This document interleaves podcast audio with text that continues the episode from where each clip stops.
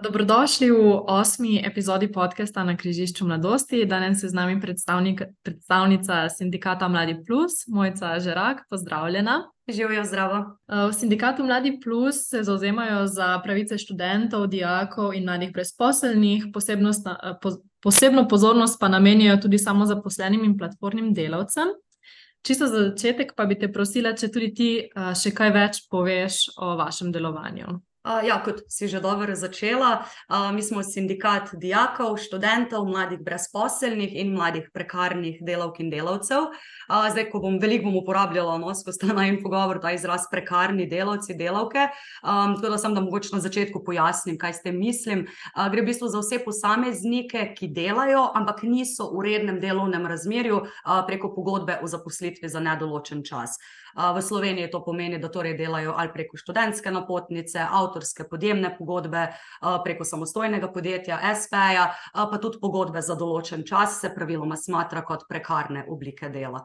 Tako da ja, vse te naštete skupine mladih so nekako naši člani in članice ki se k nam članjujejo iz različnih razlogov. Um, naš član nekako v povprečju šteje 27 let, uh, z nami se ponavadi sreča po zaključku izobraževanja, uh, zdaj ali v času brezposelnosti ali pa po prvem vstopu na trg dela.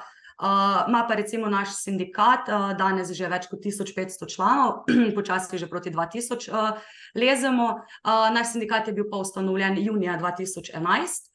Um, od leta 2014 naprej pa nismo samo sindikat, ampak smo tudi mladinska organizacija z, um, javnem, z statusom delovanja v javnem interesu. Uh, potem tri leta kasneje, se pravi 2017, pa smo tudi priznani kot nacionalna mladinska organizacija. Um, zdaj je tako biti hkrati sindikat, pa mladinska organizacija je tako um, zanimiva izkušnja, uh, ker nekako se pol, smo se specializirali predvsem za mlade na trgu dela. Um, tako da se tudi naše delovanje nekako tako um, razgibano kaže na ven. Uh, recimo našim članom in članicam primarno nudimo pravno svetovanje, uh, pravno pomoč, tudi kakšno posredovanje v, pri težavah z delodajalci, uh, po potrebi pa tudi pravno zastopstvo v primerih sodnih sporov, uh, se pravi neko tako klasično sindikalno delo. Uh, Um, zdaj, letos smo tudi recimo, začeli organizirati platformne delavce, prav konkretno njih na delovnem mestu v sindikat dostavljavcev. Um, tako da to je recimo ta nek naš sindikalni del. Um, poleg tega smo tudi sogovornik političnih odločevalcev, uh, to predvsem na področjih, ki se tičejo mladih, uh, se pravi izobraževanje, zaposlovanje, zagotavljanje dostojnega dela in podobno. Um, zdaj, poleg vseh teh aktivnosti za člane in članice in zagovorništva, pa izvajamo tudi veliko izobraževalnih aktivnosti. To počnemo predvsem v srednjih šolah, pa na fakultetah. Izvajamo tudi lastne raziskave o položaju mladih na trgu dela, pripravljamo tudi kakšne brošure izobraževalne za mlade. Vedno pa se tudi no, trudimo biti malo inovativni, iščemo neke nove načine nagovarjanja mladih. Um, in recimo lani smo tako prvič izvedli en fulj zanimiv projekt, sobe pobega, uh, ker so udeleženci recimo mogli pobegati pred kršitvami na trgu dela. Um, tako da ja, no, naše delo je zelo um, razgibano, zelo raznoliko, uh, pa hkrati se nam zdi no, tudi zelo pomembno. Um, zdaj, čisto na začetku si omenila prekarne delavce in delavke. A jih je v Sloveniji med mladimi veliko, mislim, kak procent nekih um, mladih zaposlenih predstavlja, oziroma kakšen sploh je položaj mladih na trgu dela v Sloveniji? Uh, ja, zdaj mogoče dam nek, najprej nek ta splošen komentar, no, kako mi prepoznavamo položaj mladih na trgu dela, pa v bistvu ne samo iz našega dela, no, tudi na podlagi raziskav naših lastnih, pa zdaj recimo smo imeli eno veliko mladino 2020, uh, prišla ven raziskava lani, predlani, predlani, no, že nekaj časa od tega, ampak je bila tako res velika nacionalna raziskava. In v bistvu, ja, no, iz vsega tega mi ugotavljamo, da so pač ja, mladi na trgu dela zelo deprivilegirani. Um, nekako seznavamo, no, da se zelo veliko pričakuje od mladih, um, visoka je stopnja izobrazbe, zelo veliko delovnih izkušenj. Za meno jim je ponovadi zelo malo tudi ponujeno. Um, zdaj, res je, da je v Sloveniji trenutno delež brezposelnosti med mladimi izredno nizek, uh, ampak pač mi opažamo tudi prek podatkov, da žal ne na račun porasta rednih in stabilnih zaposlitev. Uh, mladi so ob vstopu na trg dela še vedno primorani delati preko različnih prekarnih oblik dela. Um, in uh, ja, pač to, to mi tudi zaznavamo no, kot nek ta glavni izziv oziroma glavno težavo na trgu dela za mlade. Um, da torej nimajo te zagotovljene dolgoročne varnosti in stabilnosti, ki bi ti jo naj pogodba o zaposlitvi za nedoločen čas prinesla. Uh, poleg tega so mladi praviloma tudi nižje plačani, ne glede na to, kako dobro usposobljeni ali izobraženi so, uh, pogosto pa so tudi podvrženi kršitvam na trgu dela. Uh, še posebej pogosto to v bistvu doživljajo mlade ženske, to tudi naše raziskave pokažejo, da so ženske v bistvu veliko bolj podvržene kršitvam na trgu dela. Um, so pač take klasične žalostne zgodbe, da jih pač delodajalci že sam zaradi tega potencijala, da bodo zanosile ali pa ker že mogoče imajo majhne otroke, jih raje sploh ne zaposlijo. Ne. Um, tako da, ja, no, ko nek mlad človek v Sloveniji vstopi na trg dela, se bo njegova oziroma njena pot najverjetneje začela prek ene od prekarnih oblik dela. Največkrat je to seveda študentska napotnica, že v času študija, kasneje bo verjetno ta oseba primorana odpreti SP ali pa delati preko avtorskih in podjemnih pogodb. Uh, v bistvu, če bo imela srečo, bo dobila pogodbo za določen čas. Um, zdaj, kje tle zaznavamo pač največje težave, je pa to, da te oblike dela mladim res ne nudijo možnosti dolgoročnega načrtovanja življenja. Čisto konkretno, pač, če delaš v takih oblikah, ne moreš dobiti kredita ali pa posojila, težko načrtuješ družino in se tudi v bistvu težko popolnoma osamosvojiš od svojih staršev. Um, in zaradi tega se v bistvu tudi uh, ta meja mladosti vedno bolj podaljšuje um, na ravni Evropske unije, recimo, že dvignjeno na 35. Ne. Pri nas je še do 30 uradno, ampak se tudi že pri nas dviga na, do 35, pa mi tudi zaznavamo, da se ta problem prekarizacije tudi pozna že pri ljudeh, ki grejo že proti 40 letu starosti. Um, tako da, ja, no, je tudi mnogo mladih, no, je res velik del svojega življenja posvetilo izobraževanju, uh, ne samo formalnemu. Um, to tudi pač pokažejo podatki, da so današnje mlade generacije, smo v bistvu nadpoprečno izobražene, uh, nadpoprečno se tudi dodatno, neformalno izobražujemo in usposabljamo. Hkrati pa, kot kaže, bomo prva generacija, ki bo živela slabše od svojih staršev. Ne? Tako da, jej. ja, jej. Um, malo kasneje se bomo dotaknili eh, vseh teh kršitev na trgu dela, pravic, dožnosti zaposlenih. Um, me pa zanima, če imate kakšne podatke, ali je to nek trend, ki velja za celotno Evropo, Evropsko unijo, ali je mogoče posebej izraziti v Sloveniji. Uh, ja, mi smo tudi kot sindikat no, zelo aktivno vključeni v sindikalne aktivnosti na evropski ravni, um, tako da kar dobimo dosto pogleda o to, kako je v drugih uh, evropskih državah za mlade na trgu dela. Mi pa zelo težko rekla, da je kje boljše ali pa slabše. No. Um, recimo, so ena področja, kjer smo celo mi bolj napredni od ostalih držav uh, Evropske unije, recimo plačana pripravništva. Uh, Tle smo tako mi malo zaorali to ledino, tudi uh, za našimi aktivnostmi na sindikatu Mladi Plus, da so neplačana pripravništva pri nas prepovedana. To, da zdaj leta kasneje se bo, upamo, tudi na ravni Evropske unije preko Evropske direktive za celo Evropo to sprejelo. Tako da recimo tle smo mi nek dober zgled ali pa primer dobre prakse ostalim. Um, je pa tako, no, um, v vseh evropskih državah se z različnimi izzivi soočajo, ko pride do mladih na trgu dela. V nekaterih državah je recimo zelo visok del, delež brezposelnosti med mladimi, kar, kot sem že prej rekla, pri nas ni tako velik problem. Uh, zdaj, ne druge države imajo hude težave z begom možganov, to velja predvsem za južne in vzhodne države uh, Evropske unije, kjer mladi zelo hitro pač migrirajo uh, v center, zahod, sever. Um, ja, nekateri se pa v bistvu soočajo z zelo podobnimi izzivi kot mi, ne? to je pa pač razširjanje prekarnosti med mladimi. Tako da, ja, težko bi rekla, da je vse kaj prej, no, da je kje boljše ali pa lažje, tudi pa težko rečem, da je pa veliko slabše. No? Nekako je tako, ker nek ta vseevropski trend postalo to, da je zelo nesigurno uh, biti mlad v Evropski uniji v, v tem obdobju. Ja. Omenila si tudi študentsko napotnico kot obliko prekarne mhm. zaposlitve. Zdaj, če jaz prav vem, je v bistvu ta oblika dela nekaj, kar ni tako razširjena druge v Evropi za študentsko delo. Mogoče bi lahko povedala kaj več na tem področju, kaj je v bistvu. Ker tudi študenti se včasih ne zavedajo nekih svojih pravic, in, ki jih imajo, ko delajo na študentsko napotnico, ne vejo, kdaj jih nekdo izkorišča. Mogoče bi tukaj izpostavila nekih par takih Um, ja, to, to, je, to je res, ja, študentsko delo je dosti specifika Slovenije v resnici. Mislim, obstajajo tudi kje druge v Evropi, kakšne druge oblike, ampak ne na tak način kot naše študentsko delo. Ja. Um, zdaj, mogoče bi uvodoma sam rekla, no, da študentsko delo je primarno bi naj bilo mišljeno kot občasno in začasno delo študentov in dijakov. Uh, v teoriji bi naj bilo namenjeno predvsem nekemu temu prvemu stiku s trgom dela, nabiranju izkušenj, se pravi, kot neka ta priprava na kasnejšo redno zaposlitev. Uh, ampak ja, mi pa tudi druge no, raziskovalci opažamo, žal, da je v Sloveniji študentsko delo nekako postalo tako imenovan socialni korektiv. Um, v bistvu to pomeni, da študentsko delo nekako mladim iz bolj socialno ogroženih um, okolij omogoča, da sploh lahko grejo študirati zato tudi mi vse čas recimo, pozivamo, da je treba povečati obseg štipendij, dvigati viš, višino štipendij, zato da bi se mladi res lahko posvetili izobraževanju in preko študentske napotnice delali tako, kot je nekako v teoriji zamišljeno, se pravi začasno, občasno, za namene nabiranja izkušenj.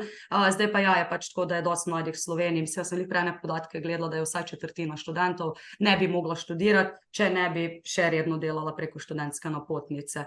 Um, zdaj je tudi res zadnja leta. No, odkar se je študentsko delo malo preoblikovalo v Sloveniji, odkar imamo minimalno študentsko postavko, tudi nekatere pravice, jih bom pa tudi naštela, ki veljajo za redno zaposlene, zdaj veljajo tudi za študente. Smo nekako zdaj uspeli malo zamejiti to nekontrolirano razraščanje študentskega oziroma izkoriščanje študentskega dela, bi bilo boljše rečeno, um, ker je začelo tudi padati to, koliko se preko študentskega dela opravlja dela. Kar je pa zaskrbljujoče, je pa to, da se pa ravno trend oziroma graf pri pojavljanju SP-ja se je pa obrnil. Je pa vedno več samostojnih podjetij. Um, tako da ja, študentsko delo je nekako postalo malo dražje, kot je bilo recimo 15-20 let nazaj, tako da za delodajalce tudi manj privlačno za nadomeščanje redne zaposlitve. Um, zdaj, zakaj je postalo pa dražje ali pa manj mamljivo, je pa v bistvu ravno zato, ker so še dobro, pravilno, um, se na študentsko delo vseeno prpele ene pravice. Um, recimo, ena taka pravica, pa kar tudi mi opažamo, da je zelo pogosto kršena, uh, je plačano uvajanje. Pri študentskem delu, oziroma pri nobeni obliki dela, brezplačno uvajanje ne obstaja. To je kršitev. Za vsako uro prisotnosti na delovnem mestu mora biti študent delavec plačan, vsaj minimalno študentsko postavko. Um, tako da to je recimo ena pravica, na katero se kar pozabi. Uh, potem recimo pravica do plačanega odmora med delom. Ta del zakona o delovnih razmerjih velja tudi za delavce študente. Tako da, če študente delate celo smeno 8 ur, vam v teh 8 urah pripada pol ure prosto za odmor, ki pa mora biti tudi plačana.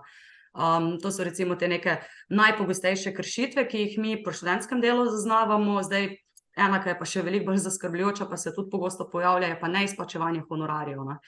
Um, tudi to se dogaja, ali danes, oziroma včeraj smo prejeli spet meljane članice, da za dva meseca poletnega dela ni prejela honorarja. Ne, tako da um, bo treba spet intervenirati. Um, ampak ja, no, to, to mislim, da so te najpogostejše in kar je tudi fajn, da imajo študentje v mislih, ko delajo, pa tudi zagotavljanje varnosti in zdravja pri delu. Ja, tudi za študente delavce, enako kot red, za redno zaposlene, velja, da je delodajalec dolžen zagotoviti varno in zdravo okolje za delo.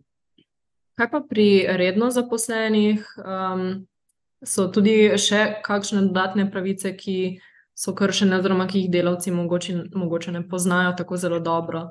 Uh, ja, zdaj, redna zaposlitev, pogodba o zaposlitvi uh, delavcu nudi največjo neko varnost in stabilnost. Uh, recimo, omejitev, koliko se lahko dela, ta klasični 40 ur na teden, oziroma v primeru kakih izjem, se lahko to podaljša. Recimo, tudi je omejitev, koliko se lahko nad uro oddela na mesec, ne more človek kar neomejeno število nad uro oddelati. Plačana malica, se pravi, nadomestilo za malico, nadomestilo za prevoz na delo, potem plačane regres, recimo uh, plačan dopust, uh, bolniška odsotnost, porodniška odsotnost, uh, starševski dopust. Um, Ja, tudi varovanje zdravja in varstva pri delu. Um, ja, je pa tudi no, načeloma od najbolj osnovne pravice, ki izhajajo iz pogodbe o zaposlitvi, so naštete v zakonu o delovnih razmerjih. Uh, zakon pač predstavlja nek uh, minimum teh pravic, ki pripadajo uh, delavcu, uh, hkrati pa lahko za marsikatere panoge, no pa stanje še malo izboljšajo kolektivne pogodbe v panogah. Uh, Um, tako da, ja, zdaj, kar se pa tudi nam zdi ena zelo pomembna pravica, ki pripada iz um, pogodbe o zaposlitvi, um, je pa tudi neka ta stabilnost. No, pač delodajalce ne more kar odpustiti brez utemeljenega razloga. Pa tudi, če pride do odpuščanja z utemeljenim razlogom, vseeno za obe stranki velja nek odpovedni rok. Ne. Zdaj, to je ponovadi en mesec, lahko je tudi tri mesece, ampak um, ta odpovedni rok ti vseeno neko varnost ponudi, da lahko v tem obdobju iščeš nadomestno zaposlitev, hkrati pa delodajalec lahko nadomeščanje za te išče. Uh, recimo tega ni ne pri SP-ju, ne avtorski, ne študentski napotnici, ne se te lahko besedno z danes na jutr uh, delodajalec ne bi. Uh, tako da ja. Kam pa se lahko obrnejo mladi, ali delajo na študentski napotnici, ali pa prek redne zaposlitve, tudi SP-ja, če so jim pravice kršene, se lahko obrnejo na vaš sindikat, so še kakšne organizacije, na katere ja. se lahko obrnejo. Mm, zdaj, če gre za redno zaposlene, mlade, ki delajo v neki panogi, ki ima večino panog v Sloveniji, no, ima svoje sindikate organizirane, je v resnici najbolj smiselno, da se na svoj sindikat obrnejo. Zdaj, lahko je to sindikat na ravni podjetja ali pa na ravni njihove panoge. Če ne obstaja sindikat na ravni podjetja ali pa panoge, smo tudi vedno mi jim na voljo.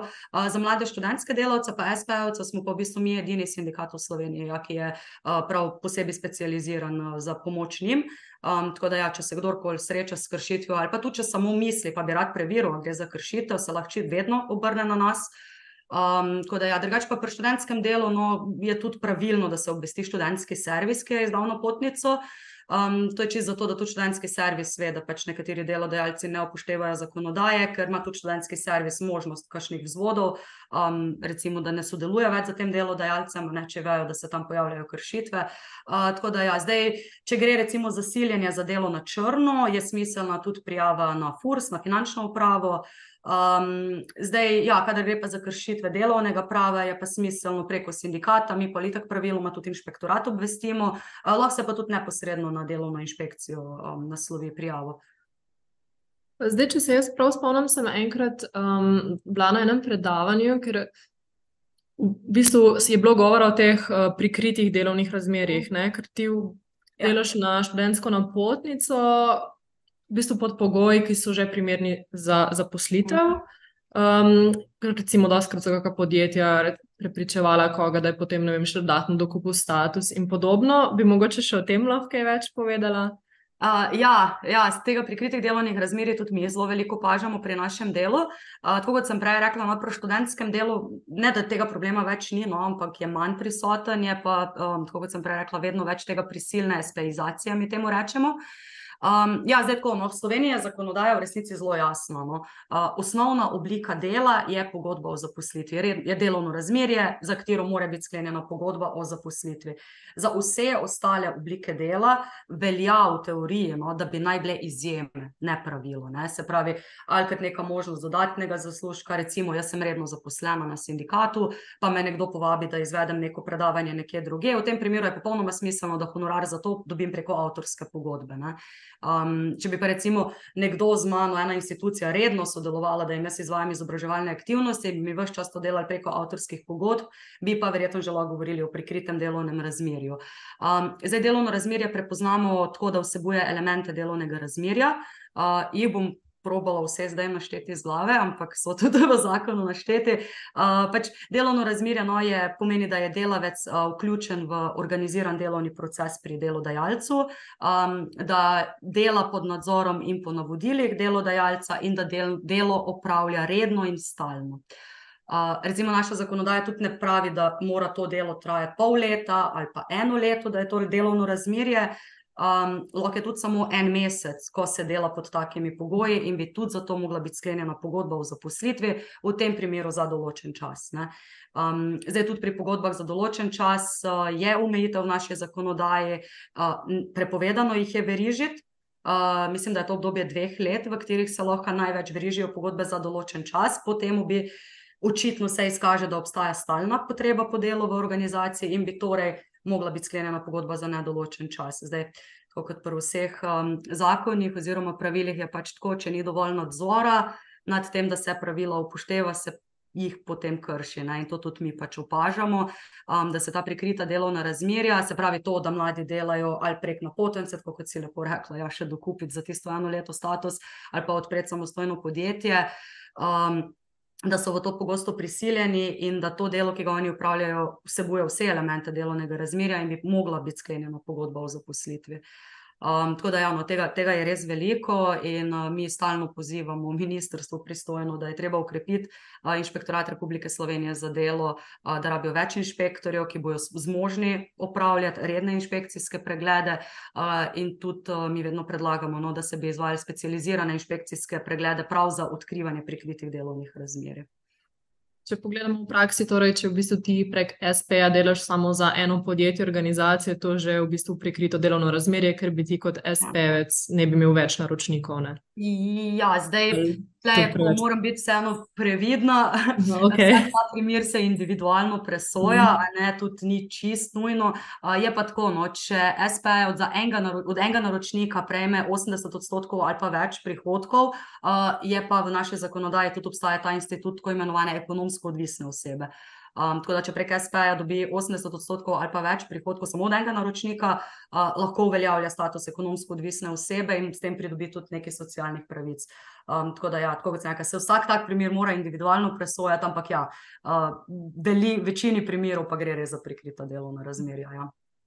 Ok, uh, zdaj jaz bi se mogoče spet malo vrnila na vse te prekarne oblike zaposlitev, ki se jih lahko malo bolj recimo olepša s tem, da se reče, da gre za fleksibilne oblike zaposlitve, fleksibilen eh, delovni čas, ki je med mladimi sicer vedno bolj popularen, neka taka pač predstava, ne, da si pač sam nekako določaš um, svoj delovni čas, ampak pač to vseeno je razlika med tem in med prekarnimi oblikami zaposlitve, pa me zanima, če mogoče neko tvoje mnenje oziroma izkušnje na tem področju fleks, fleksibilnih oblik zaposlitve mm. in povezavi s prekarnostjo. No?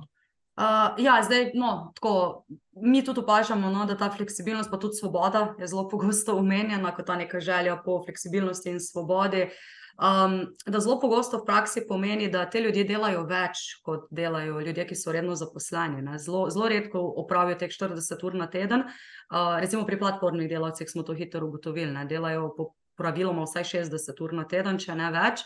Um, tako da je pa tudi, vsaj po mojem mnenju, no, težko reči, da si zelo svoboden pri razporejanju svojega časa, ne? ker ti v bistvu tvoja delovna obveznost v celem tednu požere veliko več časa, kot bi ti ga neka redna zaposlitev. Uh, pa tudi se mi zdi, da ne vem, no, mal, mene iskreno, da je malo zaskrbi, no, ko vidim, um, kako se nekateri res prav želijo, želijo otresno tega, da bi bili v rednem delovnem razmerju. Uh, ker pač podpisati pogodbo o zaposlitvi z enim delodajalcem ni, ni, ni enako, kot da se už z verigo priklenil na anga. Um, ti imaš vedno možnost odstopiti od pogodbe o zaposlitvi, moraš sicer seveda upoštevati odpovedni, odpovedni rok, uh, ampak ti lahko vedno odstopiš od te pogodbe, pa tudi delovni čas uh, preko redne zaposlitve je lahko fleksibilen. Uh, če gre za neko tako obliko dela, se lahko tudi za delodajalcem pred podpisom pogovoriš, pa se tudi lahko pogodbi o zaposlitvi opredeli neka bolj fleksibilna oblika upravljanja tega dela. Ne? Recimo nekaj ur do povdne, pa nekaj ur pol popovdne, kakorkoli ti ustreza. Um, v bistvu pogodba o zaposlitvi se lahko v dialogu z delodajalcem tudi prilagodi delovčevim željam, tudi glede te fleksibilnosti delovnega časa. Um, tudi opažamo, recimo zdaj po koroni, no po epidemiji, um, da so tudi delodajalci bolj odprti za neko to hibridno delo, se pravi, da lahko nekaj dela opraviš od doma, nekaj v pisarni. Glizanje se recimo brala en članek, da je več večjih podjetij v Ljubljani za delavce, ki se iz drugih krajev Slovenije vozijo, pa ful časa preživijo na cesti, da so zelo naklonjeni in odprti za to, da delavci tudi od doma kaj naredijo. Um, tudi jaz bi predvsem rekla, da bi bilo fino, no, da pač mlade nekako zaveščamo o tem, da ni pogodba o zaposlitvi zdaj nekaj zastarelega, nekaj, kar so imeli naši starši, pa mogoče stari starši, da to pomeni res doživljensko zavezo temu delodajalcu, ampak smo lahko tudi znotraj pogodbe, smo lahko hkrati varni. Uh, nam omogoča neko stabilnost v življenju, pa smo vseeno lahko tudi uh, fleksibilni.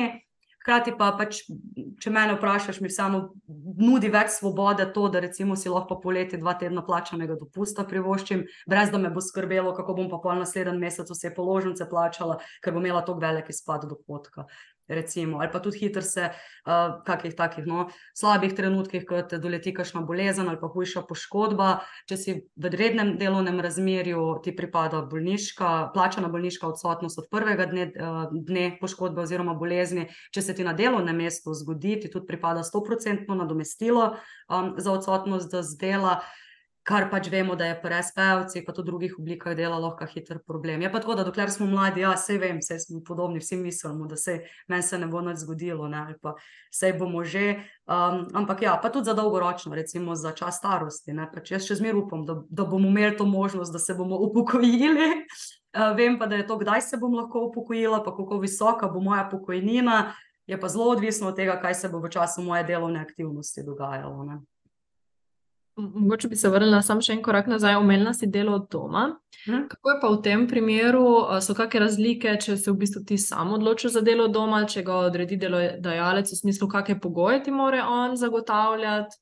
Uh, ja, ja, ja, seveda so oni, mislim, ni to zdaj čisto, da se tudi delavec se sam ne more čist reči, jaz bom delal od doma, ker je vseeno delodajalčeva dožnost, da ti zagotovi varno okolje za delo, kar pomeni tudi, če delaš ti delo od doma.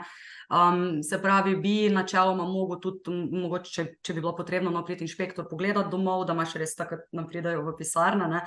da imaš primerno visoko mizo, primeren stol, primerne električne priključke, recimo, da je delo doma res varno. Um, hkrati pa ti mora vse eno delo, dajalec, ne glede na to, ali doma upravljaš delo, zagotoviti vso upremo za delo, se pravi, še zmeraj uporabljaš služben računalnik, služben telefon, ne pomeni to, da avtomatično uporabljaš svojega osebnega. Um, se pa zdaj ne bom raj preveč rekla, no, ker se pa gli zdaj v aktualnih spremembah zakona o delovnih razmerjih neke spremembe glede tega.